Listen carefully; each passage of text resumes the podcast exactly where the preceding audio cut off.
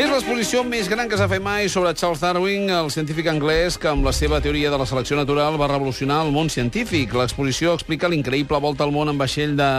que Darwin va fer per investigar animals i plantes, un viatge que va canviar la història de la ciència. Ara, després del gran èxit aconseguit al Museu d'Història Natural de Nova York, aquesta exposició és al Museu Marítim de Barcelona i avui en parlem amb Jorge Wagensberg, director científic de la Fundació La Caixa. Senyor Wagensberg, molt bon dia. Què tal? Molt bon dia. I des de Catalunya Ràdio Madrid, en Jordi Serrallonga, que és arqueòleg i naturalista, assessor del Museu Marítim i del Museu de Ciències Naturals de Barcelona. Senyor Serrallonga, molt bon dia. Bon dia. Què podem veure en el Museu Marítim?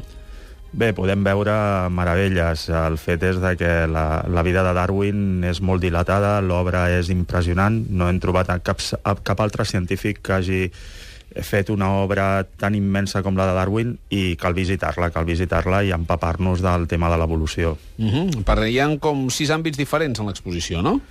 Sí, es va relatant l'exposició des d'un punt de vista, podríem dir, biogràfic, cronològic, uh -huh. i eh, des de la infància de Darwin, passant per la seva joventut, el viatge del Beagle, a la tornada del viatge i el que seria la publicació de les seves primeres teories, les reaccions, la vida familiar i eh, acabar l'exposició doncs, amb un post-Darwin. Després de Darwin hem continuat investigant, els científics, i eh, hem pogut demostrar que Darwin tenia raó, que això és el més important. Mm, així com alguns, eh, diguéssim, que hem posat més l'accent amb cantants de rock, etc etc. el senyor Wagensberg, si és fan d'algú, és fan de Darwin. Diu, la idea de Darwin de la selecció natural és probablement la idea més brillant de tota la història de la civilització.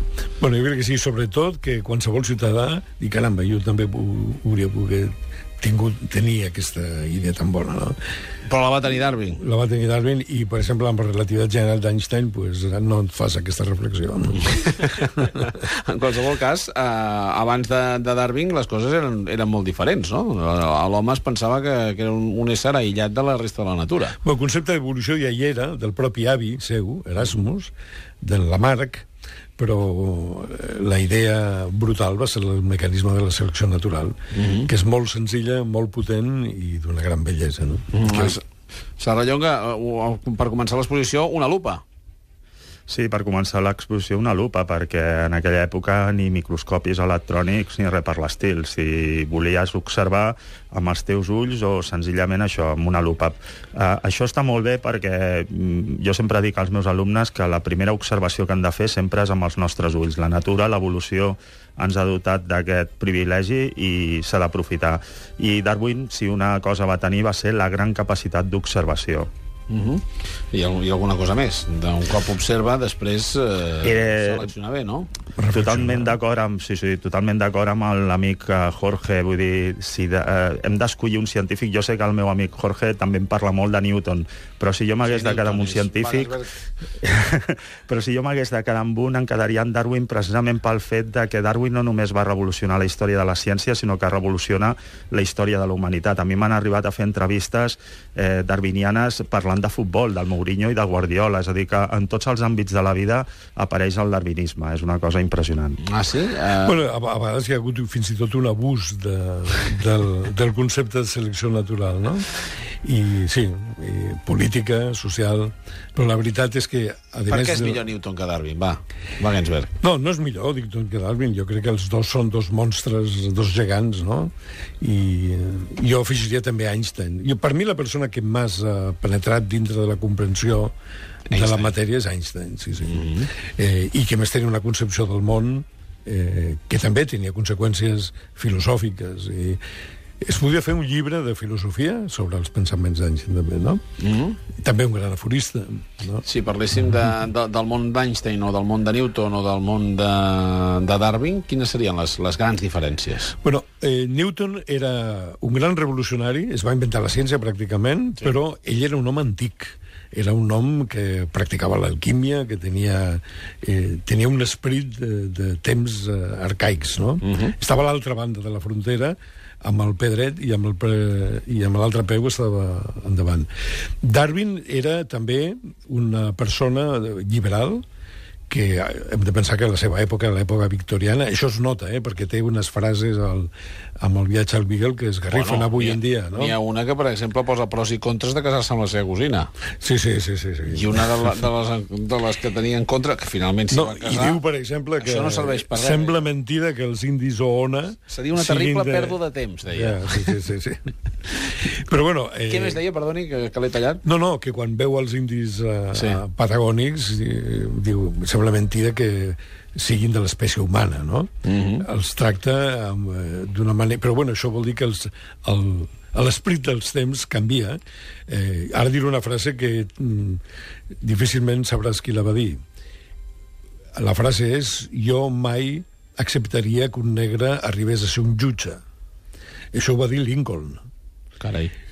I era un dels més avançats de la seva època, no? Però bueno, cap historiador sensat fa referència a això Ja. perquè és eh, un context molt diferent. Ells estaven davant, davant de tot, no? Uh -huh. Els esperits dels temps canvien. I Darwin estava al front del seu temps, no, no com Newton, que ja dic que estava enrere. Però eh, i en el cas d'Einstein? Einstein estava, jo dic que fora del temps i de l'espai. Molt per davant, no? Sí, sí, jo penso que amb la seva fami vida familiar era, no era un exemple, però amb la seva... No era un exemple, però tampoc sabia cap, seguia cap norma. No, era un desordenat total, sí, sí. Uh Mhm. -huh. Fins i tot li va donar el, premi, el seu Premi Nobel a la seva primera dona de, de, de, de lo mal que l'havia tractada, no? Ja. Sí, sí, però bueno, però era, tenia bona... Bon ull per la ciència. Sí, sí. Eh, I, i, I unes grans reflexions respecte de tot, no? Respecte de la societat, de la religió, de la divinitat, de la filosofia, sí. Aquest ens queda pendent, eh, aquest llibre de filosofia sobre Einstein. Einstein filòsof, sí, sí. Uh, segur que si, si Wagensberg té temps, o si vol, o si ho encomana algú, uh, ho, ho veurem i serà molt... Jo me'l compraré, diguéssim, Wagensberg. Serrallonga, si no ens poguéssim perdre una part de la- de l'exposició, què creus que és el més rellevant? Bé, el que podríem dir que és més visual és hi ha una rèplica del que va ser el camarot d'en Darwin al llarg del seu viatge a bord del Beagle, un camarot molt petitet, on que havia de compartir amb dues altres persones, uh -huh. i també hi ha una rèplica del, del seu estudi, del seu gabinet eh, naturalista doncs, a Dunhouse, i realment això doncs, jo penso que interessarà molt a grans i petits. Eh, Jo del que dèieu abans, només dir-vos una reflexió, perquè ens quedem tranquils. A Newton i Darwin són enterrats junts a Westminster, no? és a dir, que això ens parla de la importància dels dos. I també puntualitzar-vos que eh, sí no, que és cert que... de Westminster. Sí, no està malament. Si vas a Cambridge, sí. les persones que han passat per allà... De, de tota manera, a di- dir-vos, quan parlàveu de, de, la, de la personalitat de Darwin, és cert que el Darwin del Beagle era capaç de dir frases tan bèsties com aquestes de que hi havia més proximitat entre un humà de Londres i un goril·la que no pas entre un humà de Londres i un ona, no?, de patagònic, però aquest era el Darwin del viatge, aquest era un Darwin snob que encara s'estava formant però quan va tornar, eh, Darwin del viatge torna totalment canviat i és cert que va veure una orangutana en el zoo de, de Londres, que això ho podeu veure a l'exposició, i quan és davant d'aquesta orangutana queda esfereït de la gran humanitat que tenien aquests simis, i allà podem dir que van començar a canviar moltes coses per Darwin. No és el mateix el Darwin d'abans del Beagle que el del després del Beagle. Tenim un personatge revolucionari que va ser capaç d'escriure una autobiografia que la seva pròpia família va tenir que censurar perquè les seves idees doncs, eren totalment revolucionàries. Entre altres coses, es va reconvertir a, a l'ateisme absolut i va trencar amb la divinitat cosa que li va permetre doncs, escriure doncs,